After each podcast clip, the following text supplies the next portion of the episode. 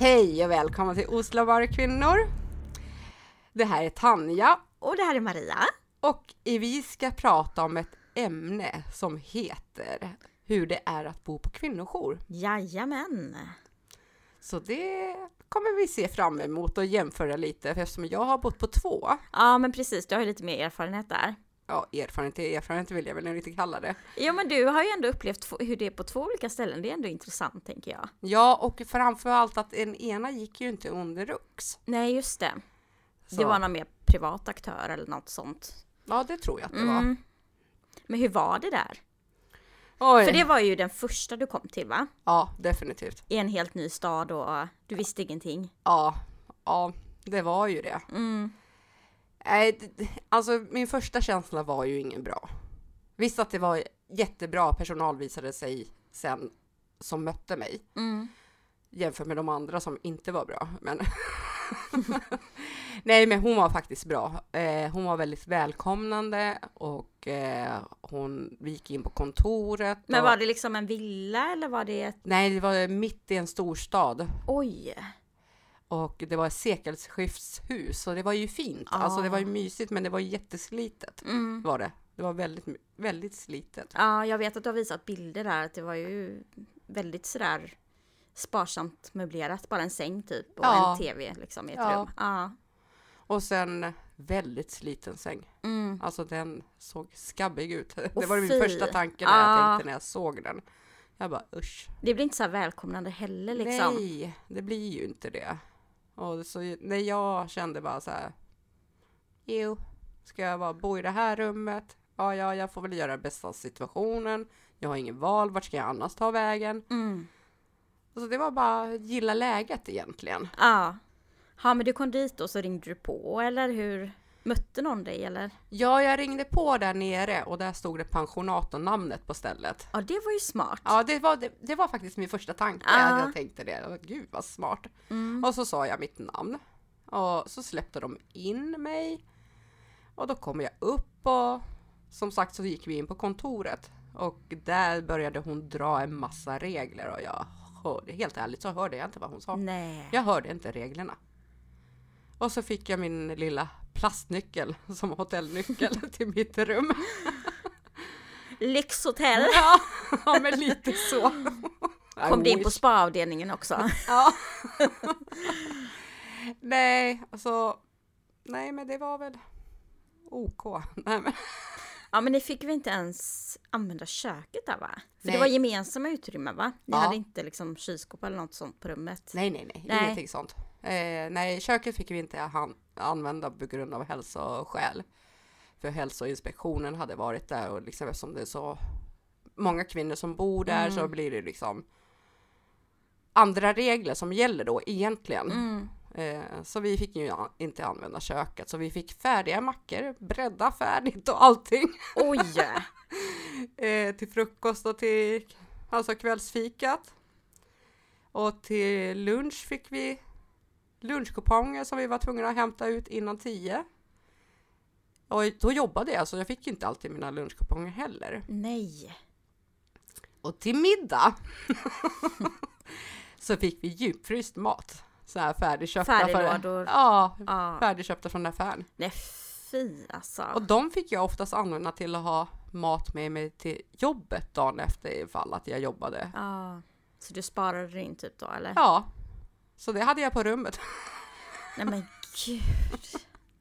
för att kunna ha med mig till jobbet eftersom jag fick eh, kliva upp så tidigt för där var ju larm. Mm. Så de larmar ju av klockan sju i vanliga fall så de avskydde mig bara för att eh, de var tvungna att larma av tidigare för att jag skulle Hinna till jobbet. Ja. Och då fick inte jag, i början fick jag inte kaffe då för de visste inte hur de skulle lösa det. Hur jag skulle få mitt morgonkaffe. Plus att balkongen var stängd. Så du kunde inte röka? Nej, Åh herregud, jag hade ju inte velat prata med dig. nej, Där. men vi, det är faktiskt vi kvinnor, alla kvinnor sa till mig när jag kom dit, vi röker vid fönstren sen, Aha. när balkongen stängs. Mm. För när man bor på kvinnojour, det är så många kvinnor som inte sover på grund av Mm. sitt trauma. Ja men det är ju det. Så där satt vi och rökte i alla balkonger. Det måste ha sett roligt ut för folk som går förbi. Så nej. Så det var lite udda. Mm. Men du träffade ju en kvinna där som du klickar väldigt bra med. Ja, gud ja. Ja, Jag har fortfarande idag kontakt med henne och jag är så tacksam för henne. just det. Eh, ja. Så det kom ju något positivt ur det. ja, men det brukar jag alltid göra. Ah. Jag är alltid ändå sån där som försöker se saker och ting positivt. Just det. Och sen kom du, ja sen bytte du ju ställe. Ja, men om vi ska gå tillbaka till det här första stället. Där fick vi inte ha våra mediciner heller. Va? Nej, nej, det skulle de man ha på kontoret. Men ändå såg de inte till de som hade vissa medici- mediciner att de tog sina mediciner, för det var inte deras skyldighet. Nej men sluta. Så det var också, man fick, eh, de kunde göra drogtester, de kunde göra blåskontroller om de misstänkte någonting. Åh herregud. Så Vad var det för ett ställe? jag var faktiskt med om en saxincident där. Nej men berätta. Nej, det var faktiskt en kvinna som mådde jättedåligt. Alltså när hon kom, hon, man såg på hela henne att hon liksom mådde dåligt och hon var felmedicinerad. Hon kom direkt från psyket. Jag såg direkt att hon var felmedicinerad. Mm. Och jag sa till personalen att hon är felmedicinerad. Så en kväll så var det att hon satte en nagelsax mellan fingrarna så att hon skulle hugga någon. Alla tjejer, eller kvinnor, tjejer som satt i tv-rummet och såg det där. Och så eh, liksom viskade de till mig att hon har en sax. Åh Jag bara, jag "Ja, hade blivit livrädd, livrädd. och jag såg ju det, att hon Ja. hade saxen liksom att eh, och jag kände liksom att det här är ju instabilt alltså. Hon, Mm. hon vet ju inte vad hon kommer göra Nej. eftersom hon var felmedicinerad. Men du är, du bra. är van att bemöta sånt där på Ja. ditt jobb. Så jag tänkte, jag går till personalen och säger det. Mm. För att jag ska ju inte vara den som lägger mig i, för jag är fortfarande en av dem. Mm. Dem liksom på det sättet, fast oavsett om jag är van att hantera situationer. Mm. Så då gick jag till en till personalen och sa att liksom det, den och den kvinnan har en sax och det kommer hända en incident Jag snart. hade ju ringt insatsstyrkan.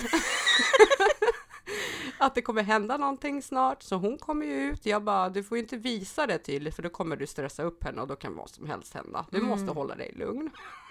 Så jag kände mig som en i personalen. Ja. Eh, hon kom ut och så liksom och så gick hon ut och så liksom tittade hon på mig och vinkade till liksom mig. Ja, och så gick jag till henne liksom. Hon bara, nej men jag vet inte vad jag ska göra. Nej. Jag bara, ja men du måste ju avlägsna saxen. Mm. Hon bara, men jag vet inte hur. Jag vågar inte. Vågar du? Jag bara, jag bara kände så här, men seriöst? Jag bara, ja jag vågar, men jag kan ju inte göra det egentligen för jag är en av dem. Mm. Det blir ju farligt för mig att vara den som avlägsnar den här saxen. Ja, det... För jag är liksom en av dem. Mm. Och den här kvinnan eller tjejen, det var en ganska ung tjej, hon mådde dåligt. Ja. Så, men det slutade med att jag fick göra det. Jag fick gå fram till den här kvinnan. Från en våldsförövare till ett mordförsök på kvinnojour. Nej, men jag tyckte mest tragiskt, liksom, jag var ju mer rädd om de andra kvinnorna Mm. för att jag såg hur rädda de Ja, var. men det är ju så typiskt dig. Ja. Jag tänker alltid på alla andra. Så det var, alltså jag ville bara rädda dem. Ja, men Jag vad ville- gjorde du då? Jag gick fram till henne och sa, får jag den? Mm. Jag bara gick fram till henne och räckte ut handen bara, Mm. kan jag få den? Mm. Hon bara, vadå? Jag bara, du vet precis vad jag pratar om, kan jag få den? Nej, men äh, nej, äh, jag bara, men sluta nu, ge hit den bara. Mm. Och jag såg ju personalen stå och liksom skaka som ett asplöv i liksom korridoren. Hon var inte ens i tv-rummet med mig. Var hon inte. Nej, jag hade gömt mig under sängen. Så till sist så liksom, jag, jag, jag gav mig inte. Nej, Jag, jag blir du var bestämd liksom. Ja, precis. Mm. Inte hård, alltså mjuk ändå Mm. liksom för att det, hade jag börjat liksom äh, skrika där, då hade ju eskalerat hela situationen. Jo, jo, Man måste hålla lugnet. precis. Och till sist så bara reser hon sig upp och liksom, jag tänker inte ge den till dig. Ja, men jag bara, då ger du den till personalen för du liksom, jag ger mig inte heller. Nej. Antingen ger du den till mig eller så ger du den till personalen. Det finns inga andra alternativ. Mm. Så gav hon den till sist personalen och hon var skitförbannad. Hon gick in på sitt rum och hon slängde ut alla sina kläder genom fönstret. Åh herregud. Men jag hade i alla fall fått bort saxen. Ja, Och alla kvinnor i liksom tv-rummet tackade mig. För de var ju Mm. livrädda. Men hon kanske liksom hade behövt annan hjälp, tänker man ju. Ja, för den kvinnan kom faktiskt tillbaks innan jag stack därifrån. Hon kom tillbaks och då var hon rätt medicinerad. Ah, Okej, så hon, åkte, hon fick åka iväg. Ja, Ja. så hon fick åka till psyket igen. Mm. Och när hon kom tillbaks så, så sa jag till henne, gick jag fram faktiskt och pratade med henne. Jag har, sa till henne, jag har absolut ingenting emot dig. Nej. Jag förstår att du har ditt trauma och allt det här och jag förstår att du har det jobbigt. Mm. Men du måste förstå mig. Att jag ville ju inte att du ska göra någonting dumt. Som du får ångra liksom. Precis. Mm. Men hon förstod mig. Ja. Och hon tackade mig faktiskt också. Ja, att men det jag var hade ju gjort. fint. Ja, Ja. för jag ville ju inte känna liksom att, ja men här går hon och tror att jag har någonting emot henne när hon kommer tillbaka. Nej men precis. Eller att det är fel stämning. Jag är sån där, jag går ju hellre fram och pratar med människan Mm. på en gång. Mm. Det är enklare. Då är Det det, är avklarat. Ja. Men hur länge var du på det stället? Nästan en månad Oj! var jag. Fast jag stack därifrån sen. Jag, jag tog mitt pick och stack. För att socialtjänsten hade sagt till mig att jag behövde vara bara ifrån min hund en vecka. Ja, just det. Och det vart fyra veckor. Mm. Så jag kände så här liksom att jag kommer aldrig få min hund om inte jag sticker härifrån. Nej. Jag kommer aldrig få henne. Nej. Då För kommer de... där fick man inte ha djur. Nej, Nej. fick man inte.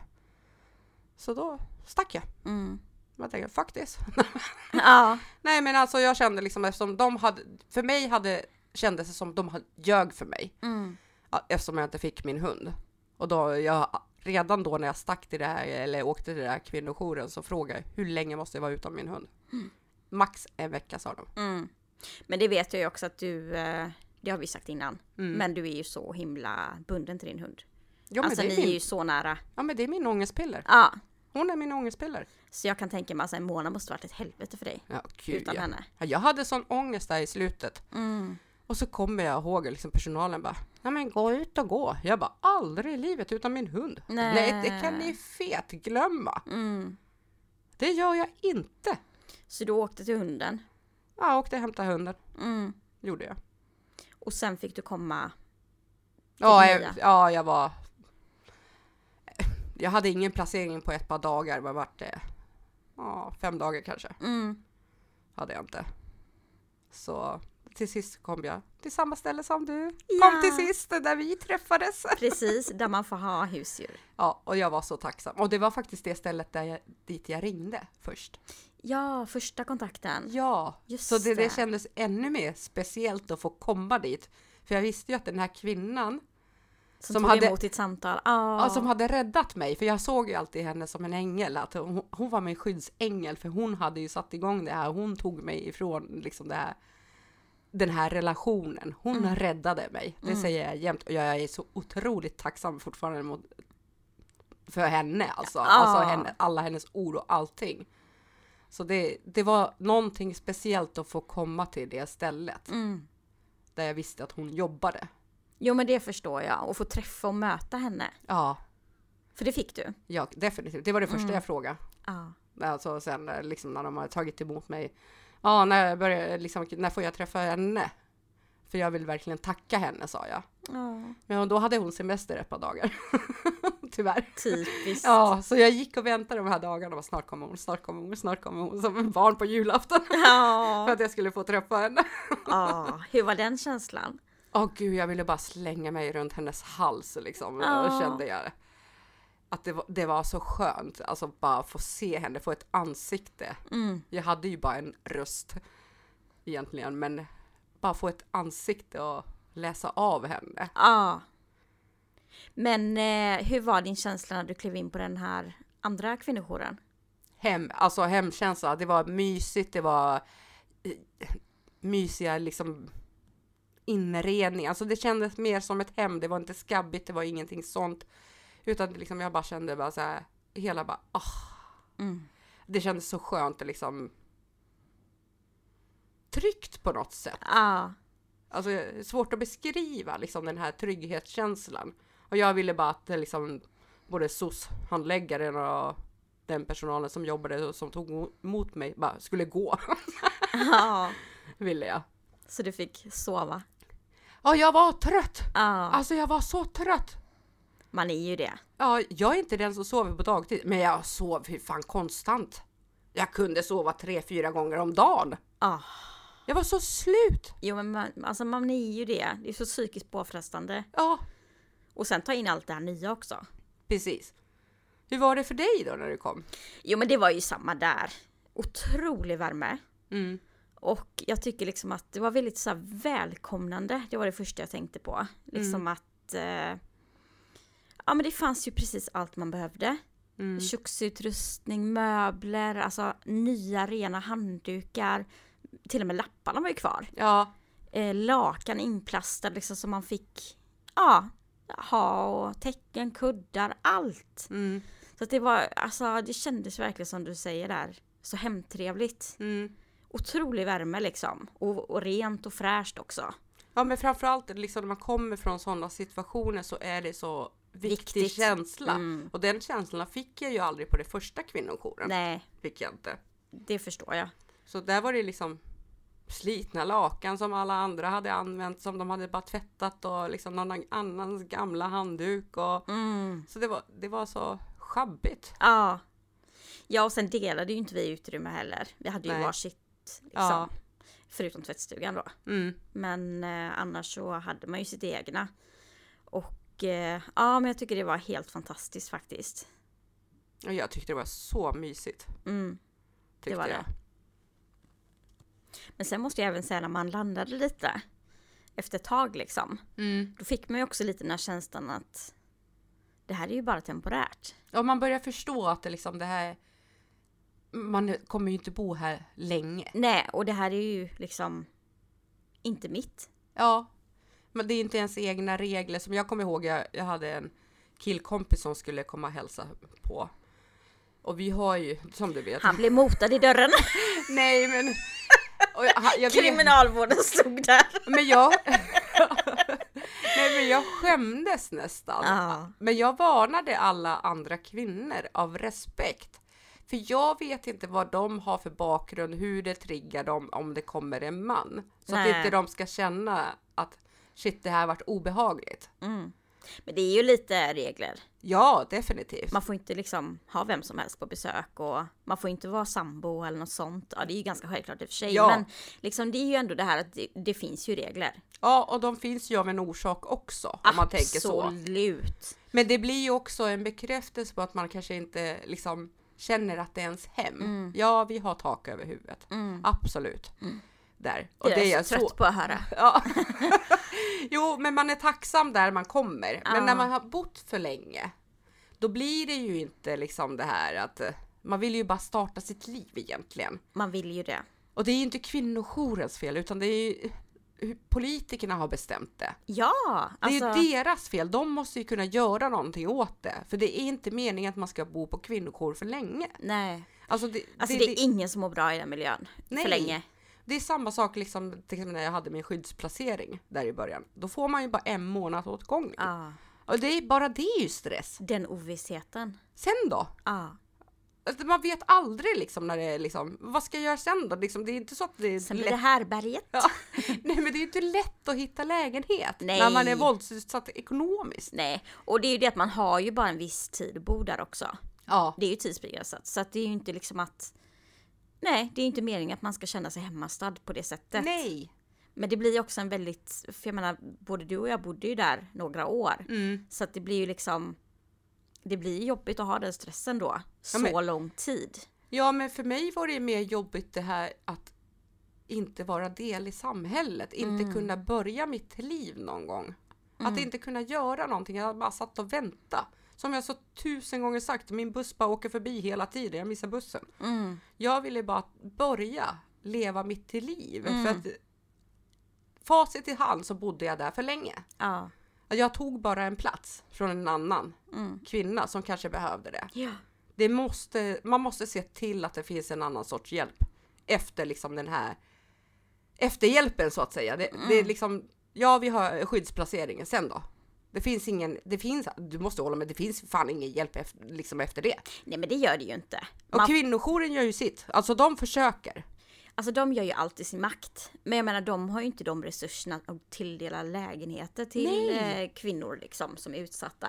Nej. Utan det är ju som du säger, det är ju politikerna. Ja. Det behöver ju bli en förändring där. Ja, För att det är ju inte lätt att få en lägenhet idag. för om man tänker, det är ju vi våldsutsatta kvinnor, vad, vad, man skulle göra vad som helst för att få den där lägenheten. Mm. Det är inte så att man skulle skita i att betala hyran. Nej, men Det var inte heller så att du och jag låg på sofflocket. Nej, nej, nej. Alltså vi sökte ju oavbrutet lägenheter. ja. Hela, hela tiden. Och det är där de måste se till att det måste bli en förändring. Ja, men det finns ju inga lägenheter att söka heller. Nej. Det är ju som bostadsbrist. Ja. Och sen ska man ju stå till kö i hundra år. Grattis, du har vunnit på lotten när du kommer till en ny stad. Ja, ja men precis. Du är en ny stad, ny kommun, allting. Det är inte så att du har liksom tio års poäng. Nej. Nej. Man får ju börja allt från början. Ja, nej men det är inte kul. Alltså jag många gånger så tyckte jag synd om kvinnojouren, alltså personalen. För jag kände liksom att de jobbade i motvind. Men det gör de. Det, det är liksom, det är jämnt att de jobbar i motvind. Mm. Det är liksom de som får eh, plocka upp oss när vi mår dåligt. Mm. Alltså det, när vi får dåliga nyheter, vem vänder vi oss till? Jo, de. Mm. Men jag tycker alltid att de är så positiva ändå. Ja, det är de. Ja, alltså det, jag, jag vet inte, man så många gånger man varit uppgiven och ledsen men så pratar man med dem så blir man liksom, de vänder ens dag liksom. Man får upp hoppet. Ja, det får man. Alltså man får hoppet någonstans inom en börjar liksom. De mörkaste dagarna så ger de det här lilla hoppet. Mm. Genom att bara visa att de bryr sig. Ja, Alltså de, de bryr sig på riktigt. och de vet hur det är. Ja, för de, det, jag är ju inte den första kvinnan de har sett. Nej, exakt. Och lär inte vara den sista heller. Nej, tyvärr. Ja, Men hade inte du också lite den känslan att Ja men det var som att dörren lite stod öppen liksom. Ja för att jag tog ju, jag är som yrkesskadad. Mm. Så jag tog ju till mig vissa kvinnor. Ja det gjorde du. Alltså, det, det, alltså när helgerna kom, jag visste ju redan tidigare för jag hade sett det så tydligt att när helgerna kom då kommer ju inte personalen. Nej. Då gick många kvinnor in i en svacka Mm. där de mår dåligt för de vet att personalen inte dyker upp. Nej men båda vi är ju sådana omvårdande människor. Ja, Vi har ju sådana yrken också. ja Så det precis. är inte konstigt. Nej, Nej.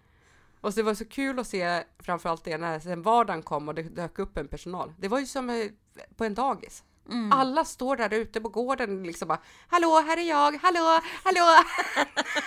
Alla! Alla ha- har något att säga. Ja men precis. Alltså det var så tydligt ja. många gånger. Jo helgerna var ju sköra. Men i början så kommer jag ihåg att jag tyckte helgerna var värst. Men sen kommer ju helgerna bli lugna Mm. med tiden. Ja. För jag kommer ihåg, jag träffade på en kvinna innan du kom dit. Så var det hon, hon sa, gud vad skönt att helgen är här. Och jag hade ganska nyligen kommit. Jag bara, nej fy fan vad tråkigt.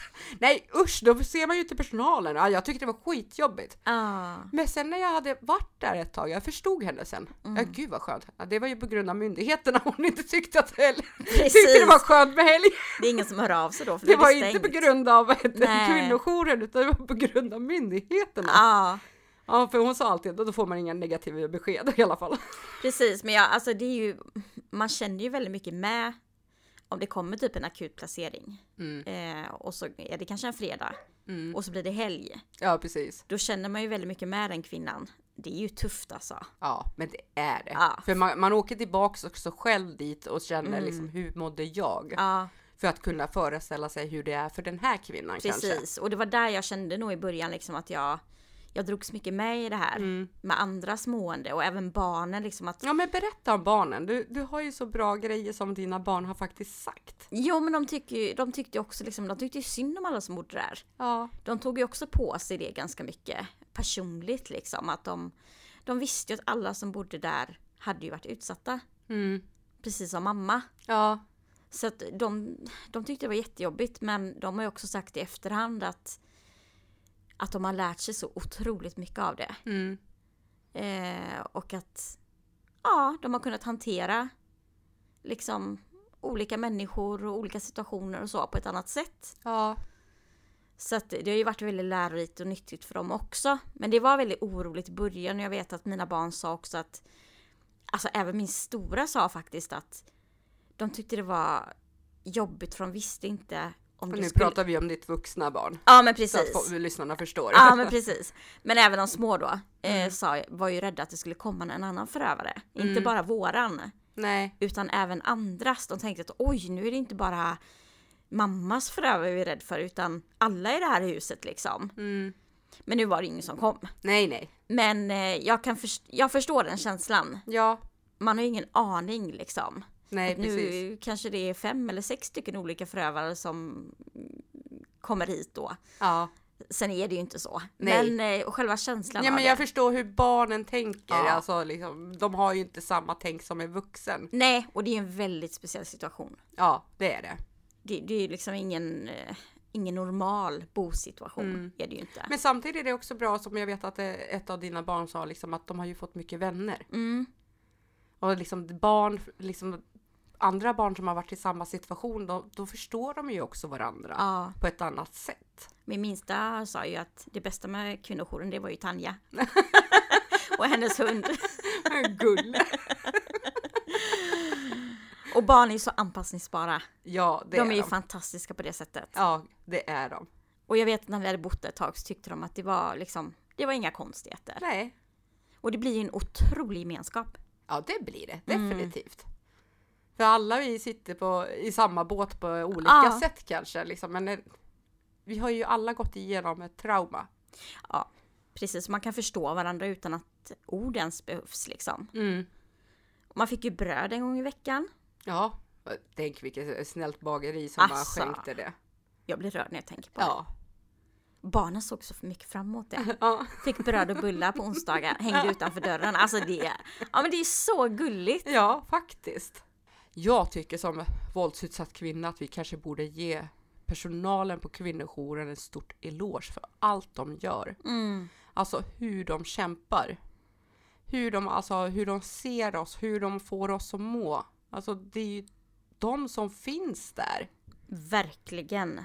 Alltså de har ju varit så stöttande. Ja, Hela processen. ja definitivt. Ja, min eh, kontakt där, hon vittnar till och med på min rättegång. Gud vad fint. Ja, alltså jag vet att de riskerar ju att bli hotade. Ja, Men hon valde ändå faktiskt att vittna. Och Mm. det, alltså jag är ju tacksam till tusen för det.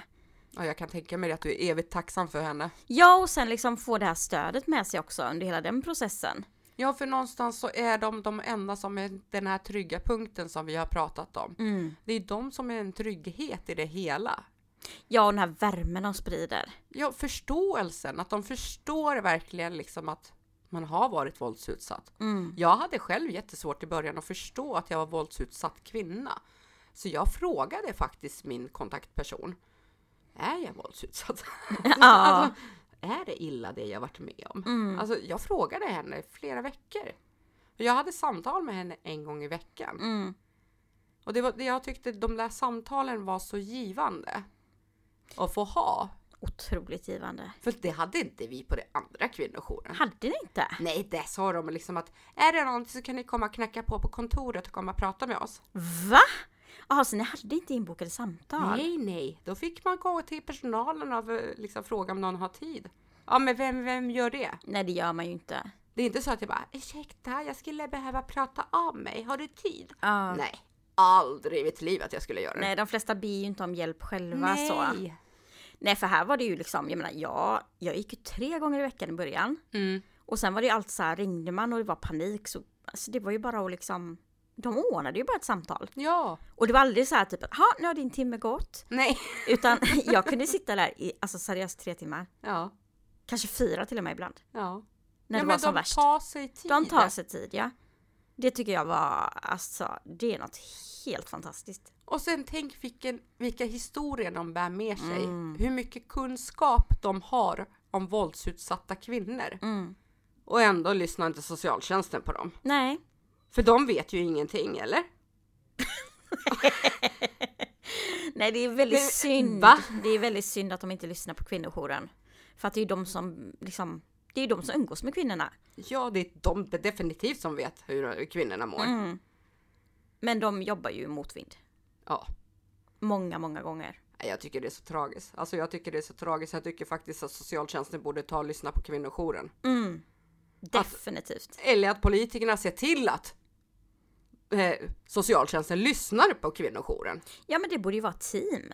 Ja! Borde jobba i team, inte mot varandra. Nej men det är socialtjänsten som vet bäst vet du. Ja. Usch vad hemskt. Nej, Jag måste, då måste jag berätta om när vi kommer till socialtjänsten här Ja. nu, in på det. Ja. när jag var på min första kvinnojour, Mm. mm, så jag var ledig en helg för jag jobbade fortfarande då. Ja just Så jag tänkte att jag, den här helgen är ledig. Så jag tänker, sa till personalen, jag tänkte meddela att jag åker bort i helgen. De bara, åker bort? Frågade de. Jag bara, ja, jag tänkte åka och hälsa på min dotter. Så jag är inte här under helgen. De bara, har du frågat om lov? Jag bara, va? Vem fan ska jag fråga om lov? Mm. Ja, du måste ju ringa till socialtjänsten och fråga om lov. Va? Ja, men fan sinnessjukt tänkte jag. Ja. Vad fan, jag vart skitarg. Jag förstår det, men man känner sig kränkt. Ja, jag var så, alltså, först är det han som har bestämt om mitt liv. Mm. Sen ska jag ri- ringa och fråga socialtjänsten om lov att jag får åka och hälsa på min dotter när han har bestämt om allting Jo innan. men det, det var ju det här jag menar lite med, det känns lite som, man får känsla av kriminalvården liksom, att det är Ja. såna regler och ja, man får inte göra som man vill liksom. Nej, så jag gick in faktiskt på mitt rum.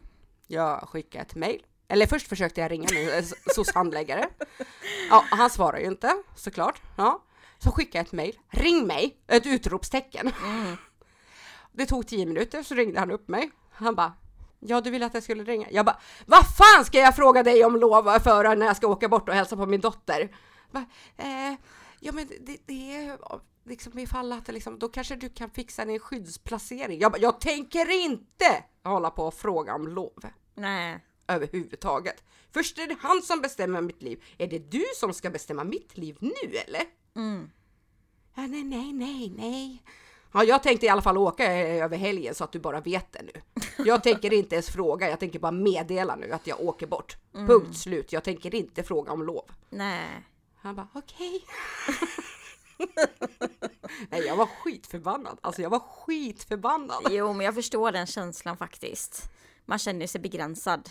Ja, men det enda jag ville, det var ju att åka och träffa min dotter. Alltså, Ja, och det är ju du som är offret här. ja, det är mitt barn. Hallå? Ja, Och komma bort därifrån och få annat att tänka på. Och så ska Precis. jag fråga om lov. ja, för man behöver ju verkligen komma ifrån väggarna. Ja, gud ja. Mm. Det behöver man. Ja, det behöver man. Nej, så det är det jag menar, liksom att det är så konstiga regler som är satta av socialtjänsten. Mm. Och ska kvinnojouren då meddela, nej men du lilla gumman, du får inte åka bort. Nej, eller För du, det har socialtjänsten bestämt. precis. Nej, nej, nej, nej, Eller nej. du får inte ha vilka besök du vill, eller du måste ansöka om det, eller ja, Men det sådana är ju saker. taskigt mot kvinnojouren. Jo, det är det faktiskt. Det är för det enda de vill att vi ska bli en del i samhället. Det enda de vill att vi ska må bra. Ja, Det enda de vill att vi ska få känna oss normala igen. mm. Så ska socialtjänsten säga om att vi ska fråga om lov om vi ska åka och hälsa på våra barn bara för att vi råkar ha vuxna barn. Mm. Va? Nej, kiss my ass. Nu fick hon det sagt. Ja, jajamän. Men du Maria, nu har jag ju babblat så mycket så nu tänker jag ställa en lite svårare fråga till dig. Mm. Är du redo? Ja. Vad tycker du att politikerna och myndigheterna borde göra för att det göra bättre för oss kvinnor? Ja, du. Visst var jag snäll nu? Ja, nej men jag tycker liksom att eh, politik alltså, I love it. Not. Men jag har faktiskt mejlat med en jävla massa Jo, politiker. tack, jag alltså vet jag det. gillar ju det där. Men snälla, du är en politiker. Jag kunde inte bry mig mindre. Det är så tråkigt. Men jag tycker i alla fall att eh, det är inte nyttigt för någon att bo länge på en kvinnojour. Och att man liksom har flytt, lämnat allt och liksom då känner jag bara, vad är hjälpen? Liksom att det borde finnas en planering, en kartläggning, liksom att man kunde få, vad kan man få stöttning med? Men om du tänker till exempel, både du och jag jobbar inom vården. Mm, Man har ju en plan från A till B. mm. Det finns ingen plan för våldsutsatta kvinnor. Nej det gör det inte för jag, Det finns plan A, Ja. absolut. Men vart är plan B? ja, men alltså det är ju väldigt mycket att man får kriga själv också. Ja, Alltså, jag menar, jag höll på med det här med traumaterapi i liksom ett år. Alltså, det är sådana långa köer. Ja. Man måste ju fightas för att få det. Mm. Och lägenhet liksom, det får man ju, det är ju ingen som skaffar en lägenhet åt dig. Det får ju du fixa själv. Ja. Jo. Eh, absolut att man får hjälp med, med skyddet. Ja. Där får man jättemycket hjälp. Det Mm. kan jag inte säga någonting annat om. Men man får inte hjälp att komma vidare. Nej. Men statsminister Tanja, vad vill du förändra i samhället? Oj. Din jag, tid börjar nu! vad jag vill förändra i samhället, det var ju alldeles för stor fråga. Nej, jag, jag menar på den här frågan, givetvis. Jag tycker att man ska definitivt se över på liksom hur man kan hjälpa dessa kvinnor efter att skyddet har tagits bort. Mm. Så att inte allt ansvar läggs på kvinnojour eller liksom att på en själv. För att det, det är så svårt att förklara vad psykisk misshandel är och vad ekonomisk misshandel är. Eh, det, det är så otroligt svårt att förklara det för någon annan människa. Ja, och även för myndigheter. Ja, Konstigt nog. och då tycker jag liksom att hur ska jag liksom kunna till exempel, jag har ju varit ekonomiskt våldsutsatt. Mm. Hur lätt är det för en som har varit ekonomiskt våldsutsatt att få en lägenhet? Hur lätt är det? Nej. Och sen att de borde se över kriterierna för social förtur när man ansöker om social förtur. Mm.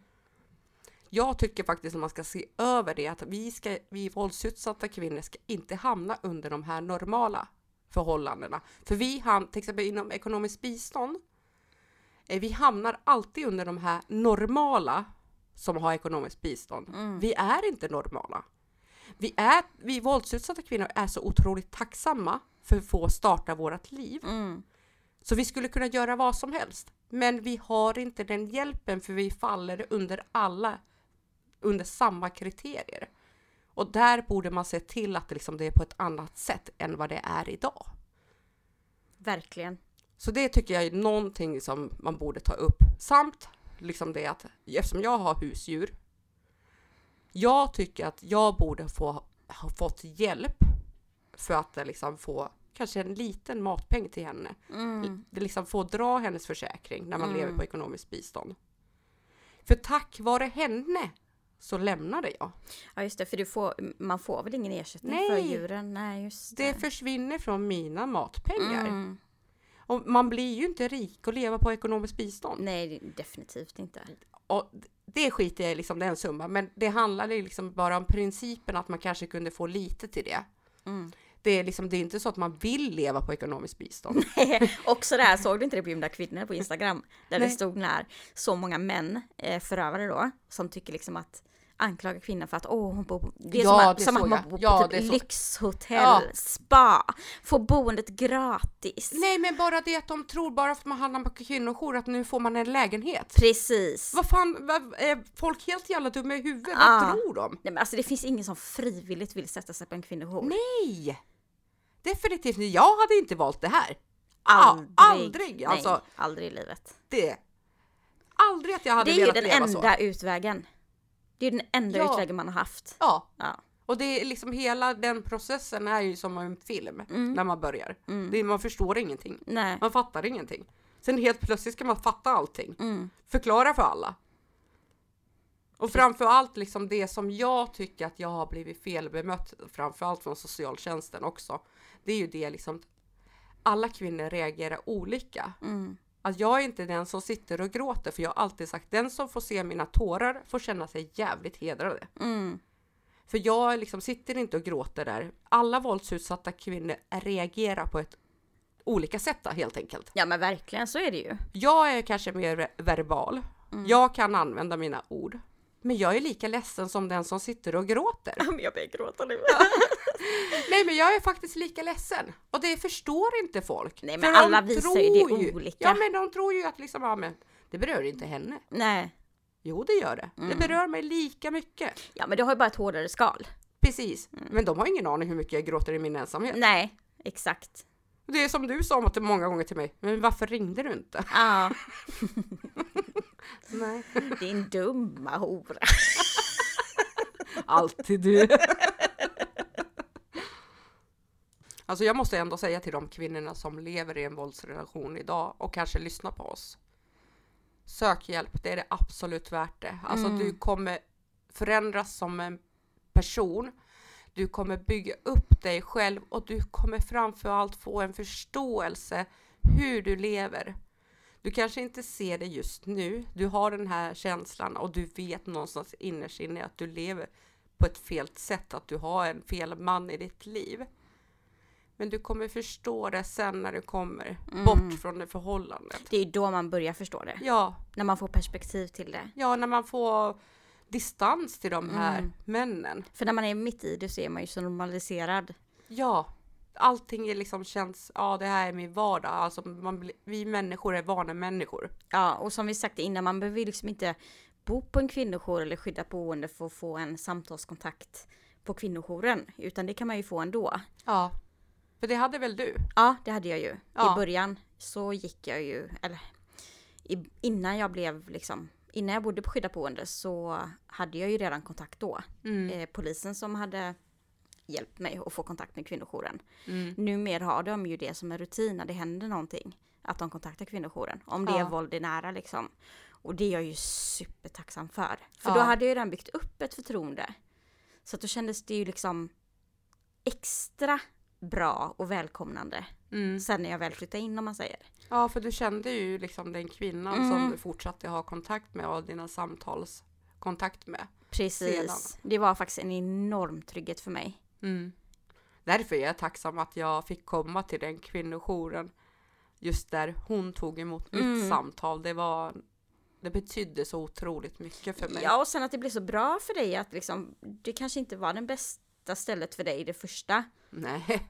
Men att det liksom, att det blev så bra sen. Ja. Att du fick möjligheten att komma till ett nytt ställe. Mm. För det jag menar, trivs man inte och det är katastrof så finns det ju alltid möjlighet att komma någon annanstans liksom. Så att det blev ju väldigt bra för dig. Mm. Jag sa faktiskt till min socialtjänsthandläggare att sätt för fan inte fler kvinnor på det kvinnojouret i alla fall. Nej. Faktiskt, det gjorde jag. Mm. För det är liksom, jag kände liksom att det inte var ett bra ställe. Nu när liksom, eh, när man tittar bakåt så på den andra kvinnojouren, Mm. det var ett kvinnojour för mig. Alltså det, det var verkligen en kvinnojour som Ah, så jobbade mycket för, värme och trygghet. ja, men som jobbade för oss kvinnorna. Mm. Alltså som ville bara vårat bästa. Ja. Så det var helt... Det var Verkligen som så dag och natt. Hitta lösningar på allting också tycker. Ja, Jag vill säga barnen fick så här, "Ah, men här är en barncykel. Ja. Ni kan ha och liksom, du kan låna en cykel och Mm. Alltså men så här, sådana grejer som, det uppskattar jag så otroligt mycket faktiskt. ja. Väldigt hjälpsamma. Otroligt hjälpsamma. Mm. För att man har ju svårt att be om hjälp. ja. Och då är det ju väldigt skönt med att, att de ser vad man behöver. Men fram, framförallt inte bara att man har svårt att be om hjälp utan man är inte van att få hjälp för att man har levt med de här männen. Man, har, man är van att vara alltså sist i allt. Mm, Man är van att inte vara värd ett skit. mm, Och bara det liksom att få komma till kvinnojour och få, få tillbaka sin värdighet. mm. Ja få sant. tillbaka värdet i sig själv. Ja, Att man är en människa. Man är inte bara en ting. Alltså förstår du? Man är värd någonting. mm. Så det tyckte jag var... ja det, är, det är jätteviktigt alltså. ja. Ett bra första steg är ju att kontakta en kvinnojour eller Kvinnofridslinjen Ja, som kan, kan- guida det vidare liksom. Det gjorde ju jag. Jag Ah. ringde Kvinnofridslinjen först innan Ja just det. och rådfrågade jag liksom hur jag ska göra. Mm. För att liksom bara höra om jag levde våldsutsatt. Ja, Så det, Men så, men- det, så det rekommenderar jag verkligen. Ja. Ring Kvinnofridslinjen. och de har 020 50 50 50. Och sen absolut vid akuta fall ringer ni 112 såklart. Jajamän. Vi vill tacka för oss Ja, tack för att ni lyssnade. och vi hörs igen. Det gör vi. Ja. Följ oss på Instagram och TikTok. Ja. Oslagbara kvinnor. Ha det så gott. Puss hej! Puss hej!